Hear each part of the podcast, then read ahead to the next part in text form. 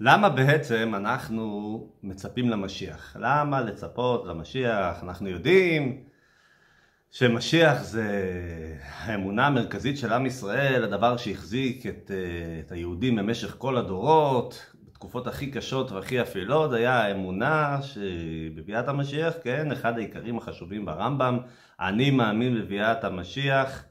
עם כל, ואף על פי שיתממא, עם כל זה אחכה לו בכל יום שיבוא, יש גם שירים מאוד יפים על, ה, על המשפט הזה. אבל אה, אנחנו צריכים להעמיק, זה דבר נושא שהרבה מתעניינים בו. רוצים להבין קצת יותר מה יהיה מיוחד, כיוון שמדובר באיזשהו משהו ארטילאי, משהו מופשט, לא משהו קונקרטי, לא משהו מוחשי, אנחנו רוצים להבין קצת יותר מה, מה הסיפור הזה של ביאת המשיח, אבל באמת, לא... האם המשיח התפקיד שלו זה פשוט אה, לסדר לנו שוב פעם את המינוסים ואת המשכנתאות ואת המצב הבריאות, או שיש כאן משהו אידיאל אה, עילאי יותר, אידיאל אה, חשוב יותר, אידיאל גבוה יותר. בואו נשים לב בפרשה איפה מופיע הסיפור של המשיח, איפה מופיע בכלל העניין, הנבואה בתורה, מאיפה לנו כל הסיפור, כל הנבואה למשיח. אז בכלל באחד הפסוקים הראשונים בתורה כתוב ורוח אלוקים מרחפת על פני המים, זה רוחו של מלך המשיח. אבל איפה נכתב הדבר הנבואה בצורה כל כך ברורה? דווקא בפרשה שלנו, פרשת בלק. מי הוא הנביא שמתנבא על המשיח? לא פחות ולא יותר מאשר צורר היהודים הגדול, אחד הצוררים הכי גדולים שקמו בהיסטוריה, בלעם הרשע. לא פחות ולא יותר, דווקא אנחנו רואים את זה, זה מעניין, שרואים את זה פעם אחרי פעם אחרי פעם, שדווקא מהמקום הכי נמוך, הכי שפל, הכי נחות, דווקא משם מגיע הדבר הכי גבוה. מי זוכה להתנבא על ביאת המשיח? לא פחות ולא יותר, בלעם הרשע. אנחנו רואים בפרשת השבוע, אה, פרשת בלק, שמספרת לנו את זה שבלק, מלך מואב, סוחר את בלעם, שהוא ידוע בכוחו, שכוחו בפה, הוא ידוע בכך שהוא נביא.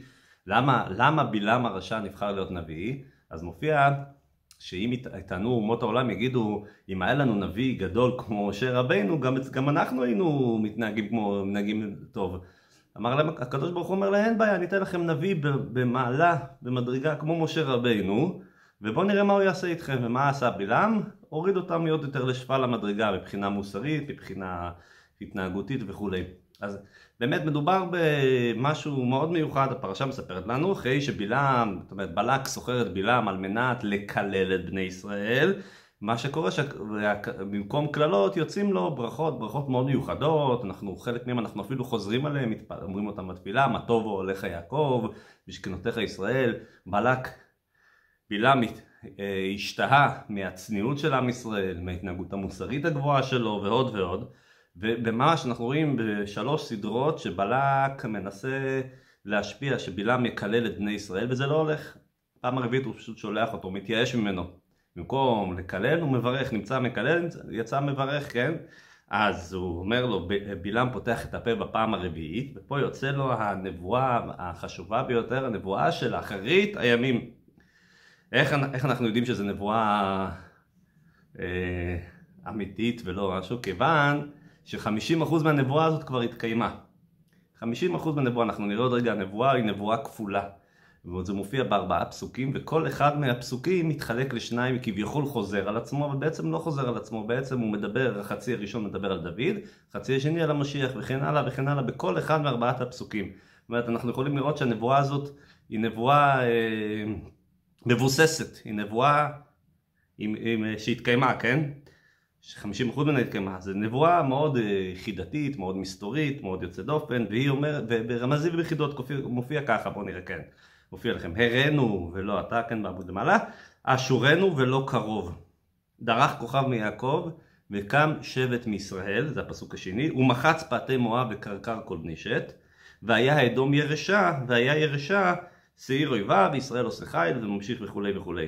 ואם אנחנו אה, משתמשים בעברית המודרנית, עברית שלנו, אתם יודעים, יש את הלשון הקודש של התורה ויש את השפה שבה אנחנו משתמשים בחיי היום, אז הוא אומר ככה, אני רואה אדם שיחיה בעוד זמן, לא עכשיו, הראנו ולא אתה, זה לא עכשיו, שורנו ולא קרוב, זה עוד זמן, זה הפסוק הראשון, ואז הוא ממשיך, דרך כוכב מיעקב, אז הוא אומר, תמלוך מהבנים של יעקב, ימלוך, מישהו, מלך, משה, למשול מהם, הוא ישמיד את העם המואבי, זאת אומרת הוא, הוא הגיע כדי לקלל מטעם העם המואבי, אבל הוא ישמיד את העם המואבי, הוא ימשול בכל האנושות, ובני העם ההמוני ובני שעיר, זאת אומרת בני עשיו, וכל אלה יהיו לו עבדים. על מי מדובר? מי זה אותו כוכב שיקום מיעקב מישראל? אנחנו חושבים, לכתחילה חושבים שבנבואה מדובר רק על מלך המשיח, אבל זה לא, הנבואה מתחלקת לשניים, על שני מלכים גדולים של עם ישראל. כמו שאמרנו, כל שורה היא כפולה. באמת הרמב"ם אומר את זה, הרמב"ם אומר את זה בצורה הכי ברורה, הרמב"ם שהוא, רבי משה בן מימון, מחבר ההלכות הגדולות, ממשה עד משה לא קם כמשה, הוא עשה את החיבור הידוע שלו, הרמב"ם, חיבור אה, מפעים, חיבור שאי אפשר להבין איך בן אנוש יכל לעשות את זה בתקופה כזו, במצבים כאלו, בלי מאגרים של, אה, של, אה, של כל הספרים, של כל הספרי היהדות וכולי, והוא, והוא עושה סדר בכל הנושא הזה של ביאת המשיח, הוא היחידי, הראשון, זה בעצם האחרון שעושה סדר בכל הנושא הזה ומגיש לנו בצורה ברורה את כל הסיפור. הזה. הוא מסביר ככה, אף בפרשת בלעם, איפה שכתוב את נבואת הגאולה, שם ניבא בשני המשיחים, הוא מדבר שם על שני משיחים. משיח הראשון שהוא דוד הושיע את ישראל מיד צריהם, המשיח האחרון שעומד מבני בניו שמושיע את ישראל מיד בני עשיו, והוא מראה מה זה מיד נעשה? ואנחנו היום נמצאים בגלות הרביעית, נקראת גלות אדום. גלות אדום זה הגלות של רומי, רומי הגלתה את עם ישראל בחורבן בית שני, ומיד ועד עכשיו, למרות שעכשיו נגיד אה, תשאלו, אה, תשאל, תשאל ילד מי האויב. מי האויבים הגדולים שלנו, יגידו, יגידו לנו בדרך כלל ערבים, בני ישמעאל, אבל בגדול זה נקרא, יש לזה גם מדרשים על העניין הזה, על בני ישמעאל. בגדול אנחנו נמצאים כעת עדיין בגלות אדום. זאת אומרת, דוד המלך הוא הושיע את עם ישראל אחרי 300 שנה שנכנסו לארץ עם הרבה, הרבה מלחמות, הרבה עליות, הרבה מורדות, נביאים, שופטים, שופטים, נביאים, כל זה, דוד המלך עשה סדר, הוא כבש את, אה, בואו נראה עוד מה בהמשך, וגלות אדום, הצאצאים של עשיו זה בגלל, כמו שאמרנו, חורבן בית שני, והרמב"ם מסביר, לפי, הוא, הוא מסביר את זה מאוד ברור, כמו שאמרנו, ראינו ולא אתה, זה הולך על גבי דוד. בלעם הרשע מתנבא על דוד, אשורנו ולא קרוב, הוא מתנבא על מי? על מלך המשיח, כמו שאמרנו. בפסוק, בקטע הבא, דרך כוכב מיעקב, זה דוד. וקם שבט מישראל, זה מלך המשיח. הוא מחץ פאתי מואב, על מי הוא אומר מחץ פאתי מואב? זה דוד, שדוד המלך הוא לקח, הוא מדד לפי חבלים, כמו שמופיע, הוא מדד, אה, הוא מדד לפי חבלים, ואותם הוא כן? לא רוצה להיכנס לזה, זה הרוב, זה כן. וקרקר כל בני שת, זה המלך המשיח, וקטע הבא, והיה אדום ירשה, זה דוד, והיה ירשה. ו' זה המלך המשיח. אז זו בעצם הנבואה של אחרית הימים, שהוא משלב בה את הנבואה הקרובה יותר. זו נבואה על עוד 3,300 שנה, שיהיה במהרה בימינו אמן, והנבואה הראשונה היא בעצם נבואה על, על התקופה הקרובה יותר, בערך 300-400 שנה אחר כך. למה קורא שני המשיחים? למה דוד המלך נקרא המשיח? אנחנו רואים פעם אחר פעם אחר פעם שדוד המלך כרוך ביחד עם המשיח. אנחנו מזכירים, צמח דוד עבדך, מהרה תצמיח. קרנות דרום זה מדבר על המשיח. ואנחנו מדברים על מגדיל ישועות מלכו דוד ולזרעו, פעם אחר פעם אחר פעם, בקדוש לבנה שבה אנחנו מתפללים על ביאת משיח, אנחנו מזכירים את דוד מלך ישראל וכן הלאה וכן הלאה, זאת אומרת אנחנו רואים קשר ישיר, אה, צמוד מאוד של דוד המלך למלך המשיח, אבל נשאלת השאלה למה, מה כל כך מיוחד דווקא בדוד המלך, למה לא אברהם? למה לא משה רבינו? היו גם עוד כל מיני אנשים גדולים מאוד, רבי שמעון בר יוחאי, היו הרבה אנשים גדולים. למה דווקא דוד המלך, אנחנו מקישים אותו פעם אחר פעם למלך המשיח? מה יש כל כך משותף? אז בשביל זה אנחנו צריכים להבין, להעמיק קצת יותר, להבין משהו קצת יותר יסודי, יותר מעמיד. מה המשמעות של אחרית הימים? אחרית הימים, ימות המשיח, אז אנחנו מתכוונים על משהו שהוא, שלא יודעים, השאלה היא מה, מה יהיה אז, החיים שלנו יהיו עצמאיים, אנחנו כבר עכשיו נמצאים בארץ ישראל והממשלה היהודית כביכול, כן? מה בדיוק ה... ה... ה... מה, מה הבשורה שיש לנו כאן? ואם כן, אז מתי, מה הבשורה הזאת? בואו נבקש, מ... ננסה לעשות סקר, ננסה לעשות סקר שוק, נברר מה אומר, נשאל אה, סדרה של יהודים, מה אומר להם ביאת המשיח? מה יגידו? יגידו שמדענים מצויים כעפר, יגידו שלא יהיה סקול, אה, אנחנו נוכל לשבת, נוכל ללמוד, נוכל להיות מסודרים, לא יהיו לנו צרות, לא בעיות של בריאות, אנשים לא ימותו וכן הלאה וכן הלאה וזה טוב מאוד וזה מצוין וזה נכון. כל זה נכון, כל אחד למי אין שק של בעיות וצרות שהוא סוחב את זה איתו. אתם יודעים שלילד הצרה הכי גדולה זה שהוא מאבד את הבובה, ולילד קצת יותר גדול זה ה... שהוא, שהוא לא מקבל את הפרס בכיתה, ולנו זה קצת אה, משהו יותר גדול. לנו זה קצת משהו, כל אחד יש לו את השק של הצרות שלו, שלפחות במושגים שלו זה נקרא שק, ולכן אסור אף פעם, בכלל, בכלל, אף פעם לזלזל בצער, בסבל, בטרדות של מישהו אחר, כי כל אחד יש לו את המושגים שלו, אבל מאחורי העולם המושלם, את זה הגענו לתכלית, אז התשובה היא אמיתית לא. למה אנחנו מצפים למשיח? בוודאי שבביאת המשיח לא יהיו צרות, צרות ייעלמו, יהיה שפע טוב, הקדוש ברוך הוא מבטיח, אבל איזה משמעות יהיו אז לחיים שלנו? כמו הסיפור שהבאנו כמה פעמים עם הדייג, שהוא דג את הדגים, ומגיע האיש לידו ואומר לו, למה אתה דג? קום זה, לך תעשה, לך תמכור, לך תפה, ובסוף אתה תהיה עשיר גדול, ואז מה, בסוף אתה דוג דגים, הנה, עכשיו אני דג דגים. ובשביל מה אנחנו צריכים את כל זה? בוא נניח שתאורטית היה לנו אפשרות שאיזשהו פילנטרופ יסייע לנו ויוציא אותנו לגמרי מכל החובות והצרות שלנו, יגיע רופא מומחה ויוציא אותנו לגמרי מכל הסבל הרפואי שלנו, אז זהו, אז כבר הגענו לייעוד, זה בעצם ביאת המשיח, זו, זה, זה עם ישראל מצפה אלפיים שנה שיפסקו כל הצרות, וזה נכון, זה מצוין, כן? העניין הוא לא. העניין הוא יש משמעות לזה שהנשמה שלנו ירדה למטה. יש משמעות. אנחנו אומרים את זה כל כך ברור, יכירו וידעו כל יושבי תבל, כי לך תכרע כל ברך, תשבע כל לשון. את הייעוד האמיתי שלנו, בשביל מה אנחנו חיים, מה התכלית של החיים, מה המשמעות של החיים, זה מה שאנשים כל כך הרבה מחפשים. אנשים מחפשים משמעות, שלמה המלך אומר בקהלת, שלמה המלך מספר לנו, הוא, הוא משתף אותנו, הוא... הוא נותן לנו להרגיש את התחושות שלו. הוא השיר הכי גדול, הוא אומר שפה הוא לא מצא את האושר. בחוכמה החכם הכי גדול הוא לא מצא את האושר. בכל הנשים הכי מוצלחות, גם שם הוא לא מצא את האושר. וכן הלאה וכן הלאה. בסופו של דבר הוא אומר שאת האושר האמיתי הוא מצא ביראת השם. סוף דבר הכל נשמע את האליקים ירא וצריך שמו כי זה כל אדם. בזה שלמה המלך החכם מכל אדם, העשיר מכל אדם, האיש הכי חזק מכל אדם, האיש הכי שרק אפשר לתאר, מה הוא מוצא, הוא, בסופו של דבר זה המשמעות לחיים, זה מה שאנשים כל הזמן מחפשים. אנחנו רואים כל כך הרבה אנשים שיש להם את כל הדברים שאנחנו רק חולמים עליהם והם עדיין מחפשים, כן? אז, אז מה התכלית שלנו כאן עכשיו? אז אנחנו יודעים, ברוך השם, אנחנו לומדים תורה, לומדים חסידות, אנחנו יודעים שהמטרה היא ש, שאנחנו באנו לעולם לעבוד ולשרת את הקדוש ברוך הוא.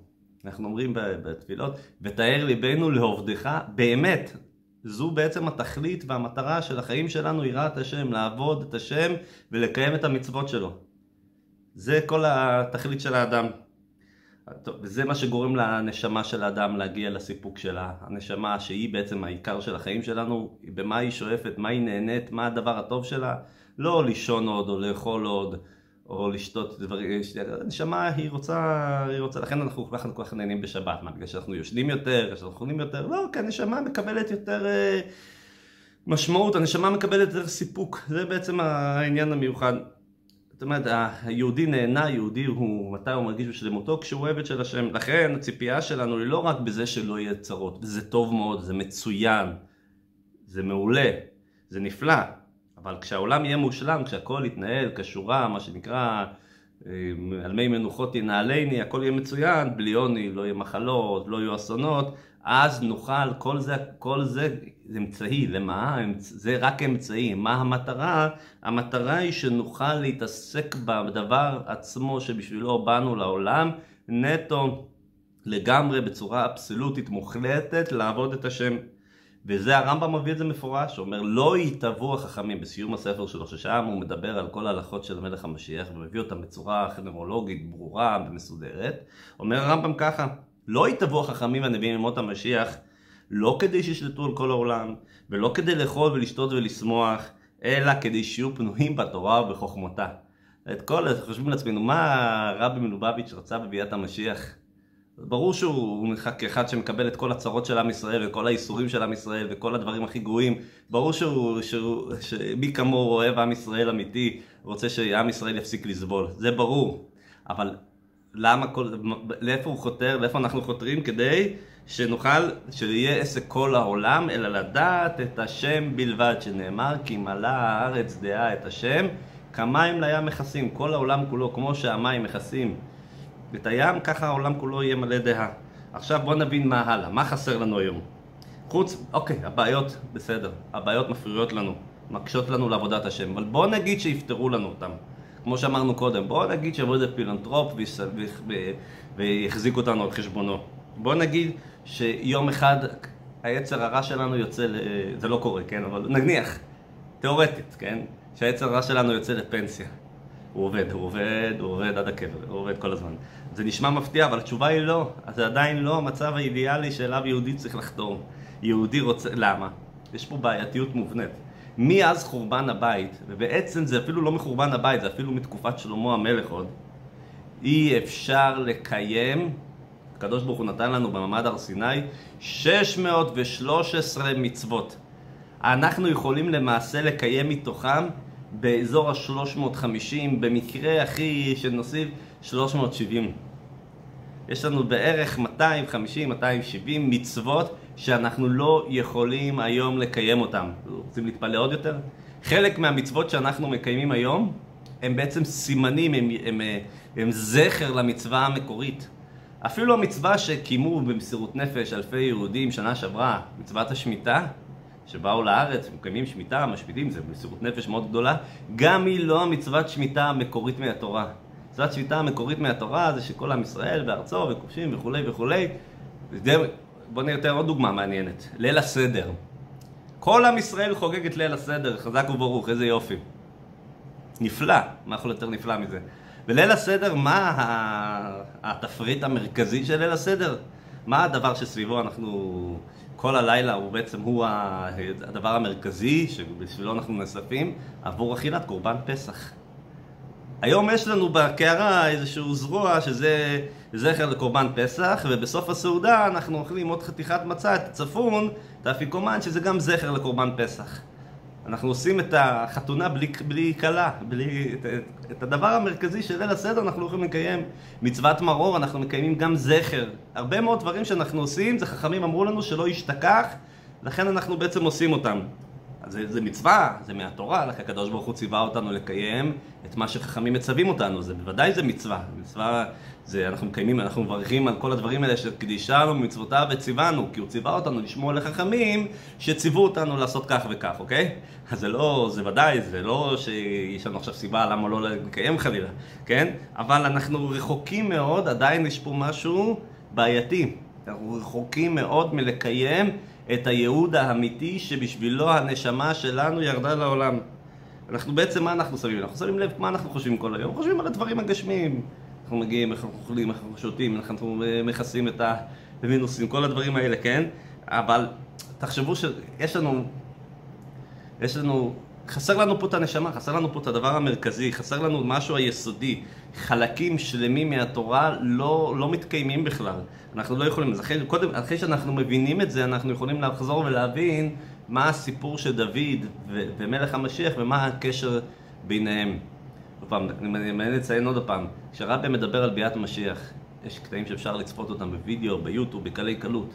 רואים שהוא זועק על מה? על זה שהשכינה בגלות. על זה שכמובן מעבר לכך שזה מתבטא באין ספור צרות וייסורים ואסונות ובלי סוף שהשם ישמור ויציל ויגן ויושיע ושלפני ביאת המשיח עד ביאת המשיח יהיה טוב לכל יהודי באשר הוא אבל רואים שמה שהדבר שהכי הפריע לו שאנחנו לא יכולים לקיים כמצוות רצונך אנחנו אומרים בתפילת המוסף בשבת, בראש חודש, בחגים, לא משנה מתי, בראש שנה ביום כיפור, נעשה ונקריב מצוות מוסף יום כיפורים הזה, נעשה ונקריב לפניך כמצוות רצונך. אנחנו עושים תפילה, זה דבר טוב, זה דבר מצוין, אבל זה רק כתחליף, זה כמו שאנחנו אומרים, נשלמה פרים שפתנו, במקום להקריב קורבן, פרים, אנחנו משתמשים בשפתיים שלנו. כביכול משלימים את הדבר שאיתו היינו אסורים לעשות. זאת אומרת, אנחנו לא עושים כמצוות רצונך, את הרצון האמיתי של הקדוש ברוך הוא, אנחנו מנועים מלעשות, אנחנו לא, לא נקבל איזה עונש חלילה. אנחנו אנוסים לגמרי, כן? בואו נראה משהו מעניין. היה תקופה אחת בכל ההיסטוריה שבה היה אפשרות לקיים את כל ה-613 מצוות. מתי הייתה התקופה הזאת? בואו נשים לב, במדבר עדיין לא נכנסו לארץ, עדיין לא היה מלך. יש הרבה מצוות שתלויות בקשר למלך, כתיבת ספרי תורה, יש מצוות שקשורות לזה שיש צבא שכפוף למלך שנוהג לפי התורה, יש מצוות שתלויות בארץ, כי תבואו אל הארץ, הפרשת חלה, כל מיני דברים. גם היום הפרשת חלה, דרך אגב, זה גם כן זכר, זה גם כן לא הפרשת חלה המקורית, ולכן אנחנו רק מפרישים משהו מעיסה, ולא מפרישים את הכמות המדויקת שכתובה בתורה, אוקיי? אז, אז בואו נשים לב, היה הרבה מלחמות. תפתח תנ"ך, אנחנו נראה בשופטים, במלכים, כל זה, מה, מה בשמואל, כל זה, היה הרבה מלחמות. עם ישראל עדיין לא היה פנוי וראוי ומוכן טכנית, זאת אומרת, לא היה פה התכנות לקיום כל ה-613 מצוות, אבל הייתה תקופה אחת שכן. הייתה תקופה אחת, תקופה של דוד. דוד המלך שם לעצמו מטרה להגיע, להשליט את המלכות של הקדוש ברוך הוא בכל פינה בעולם, בכל, בפרט בארץ ישראל, כן, על ידי ארץ ישראל, זה על ידי בנייה בכל העולם. דוד המלך הכין את כל מה שצריך כדי שכך שבתקופה של בנו שלמה, עם ישראל היה בארצו, ישב לבטח, כבש את כל הארץ, קיים את כל המצוות הכתובות בתורה. הייתה תקופה כזאת, כמה שנים ששלמה המלך מלך, זה המשיך קצת אחרי זה אצל רחבעם, ושם כבר אה, התחילו המלחמות והסיפור נגמר, ישראל גלה, וחלק גדול מעם ישראל כמובן גלה, וכולי וכולי, ואז כבר אה, זה כבר לא חזר, גם לא, לא, בש, לא בהמשך הזמן של בית ראשון, וכמובן לא בבית שני, וכמובן שכל התקופה הזאת שאנחנו בגלות לא יכולים לקיים את כל המצוות האלו. זאת אומרת, בגלל דוד המלך, עם ישראל כולו אה, זכה לתקופה תקופת התור, תקופה הכי נפלאה של עם ישראל הייתה ש, כש, כש, שדוד המלך אה, סיים, סיים בעצם את העבודה שלו, ששלמה המלך מלך, אבל מי עשה את כל זה? דוד המלך עשה. שעם ישראל כולו יכל לקיים את כל המצוות ולעבוד את השם, באמת, לעבוד את השם בצורה ראויה. מאז ועד היום כולנו ממתינים לתקן עולם מלכות ש"ד י' שנוכל לעשות כמצוות רצונך. מאז ועד היום אנחנו לא מפסיקים להתפלל ולא מתייאשים חלילה מהעניין הזה. אז הנביאים מסבירים לנו מי הולך להחזיר את, את אה, מלכות בית דוד ליושנה. מה זה מלכות בית דוד ליושנה? זה שהקדוש ברוך הוא ימלוך בעולם לגמרי.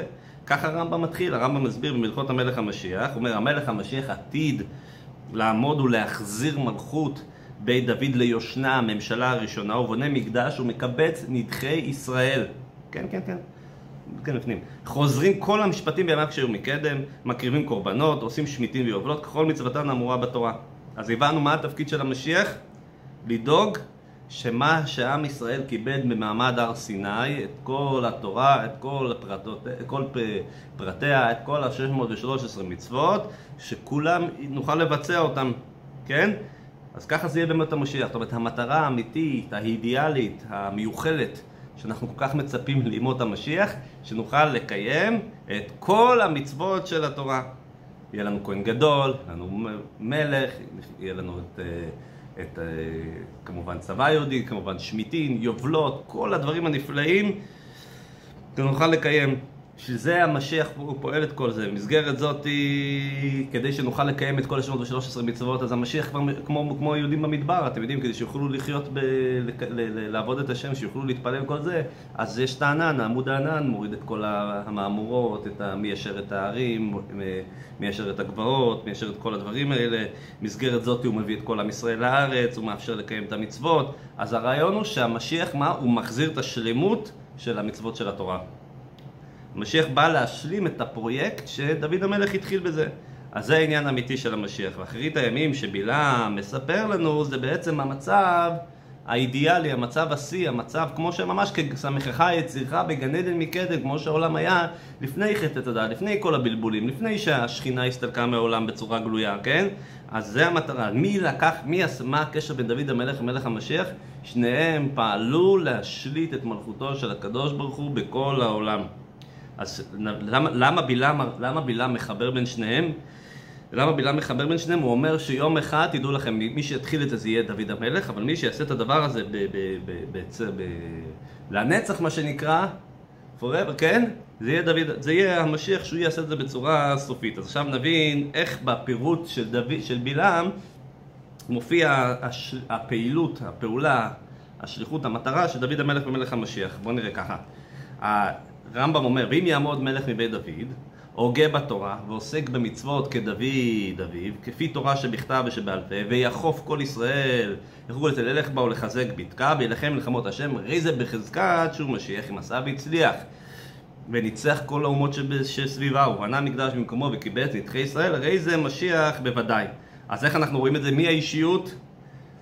המלך המשיח הוא הצטיין בצדקות שלו כדוד אביו, הוא עוסק בתורה וביראת שמיים כמו שדוד המלך היה.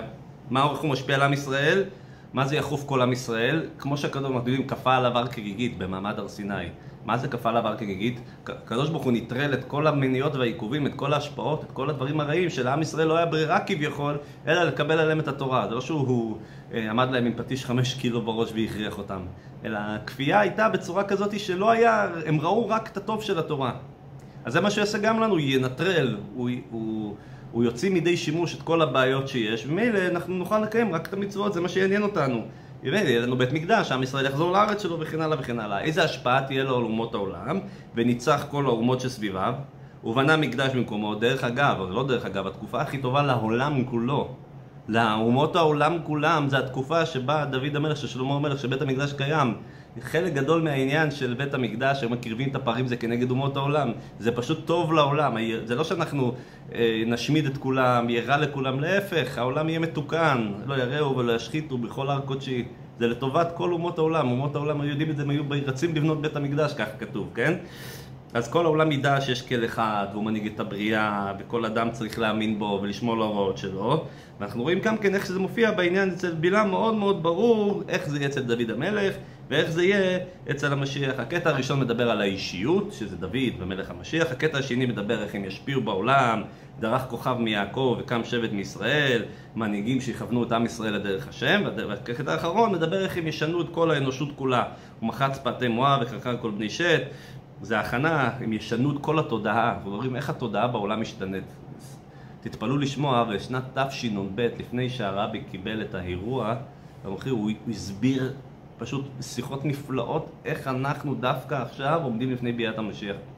אחד הדברים המופלאים שהוא אמר, דיבר על זה שבאו"ם התחיל העניין הזה שפעלו להשמדת נשק. היה, פעלו אמריקה, ארה"ב וברית המועצות פעלו ביחד להשמדת נשק וכולו וכולו. עכשיו מצד אחד, אתם יודעים, יש כזה בלבול, אנחנו לא נמצאים, אנחנו נמצאים בדור מבולבל קצת, מסתכלים, אנחנו רואים, הנה מלחמה, רוסיה, אוקראינה, אבל הרבי פעל פה, אה, מסביר פה שנפעל פה משהו עצום, שמעתי את זה מהחויזר, החויזר זה מי שהיה חוזר על התורות של הרבי, קראו לו רבי יואל כהן, נפטר לפני פחות משנתיים. הוא הסביר איך שהמצב בעולם השתנה. בעבר, בלי להיכנס לנושא, אני רק רוצה לתת דוגמה. אחד כמו מנהיג רוסיה, היה נחשב גיבור על בעולם. שנפוליאון כבש את כל, מה הוא עשה? הוא, הוא רצח מיליונים. כל אחד שרצח היה נחשב איש חשוב. היום העולם מוקיע את זה, תשימו לב בשנה בכמה חודשים האחרונים איך העולם מוקיע את הרע, לא היה כזה דבר בכל ההיסטוריה. בעבר כל מי שרק הרג ורק פצע ורק רצח ורק שרק זה, הוא היה הגיבור האלטרנטיבי. היום העולם, רואים את זה במוחש, שהעולם לא מוכן, העולם מוקיע את הרע. והרבי הסביר שזה חלק מהעניין שהעולם מתכונן לגאולה, העולם מאמין יותר בצדק, מאמין יותר ביושר, יותר בשלום, יותר בעזרה למוחלשים, דברים שלא היו עד לפני 70-80 שנה. לא היו את הדברים האלו.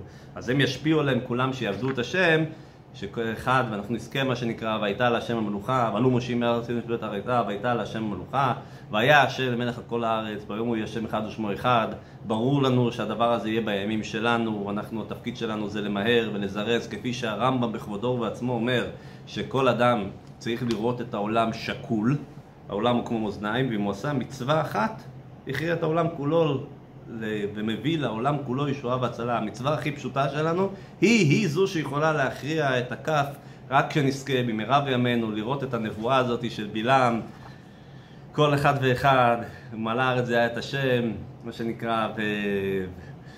ובביאת משיח צדקנו, בקרוב ממש, יבוא ויגאל אותנו מכל הצרות, מכל האיסורים, נוכל להתפנות לדברים האמיתיים, נוכל, לא יהיה לנו צרות, לא יגון, לא הנחה, לא קינה, לא שנאה, לא תחרות, אבל אז נוכל לעבוד את השם באמת, אמן ואמן, שיהיה לנו רק שנזכה כבר.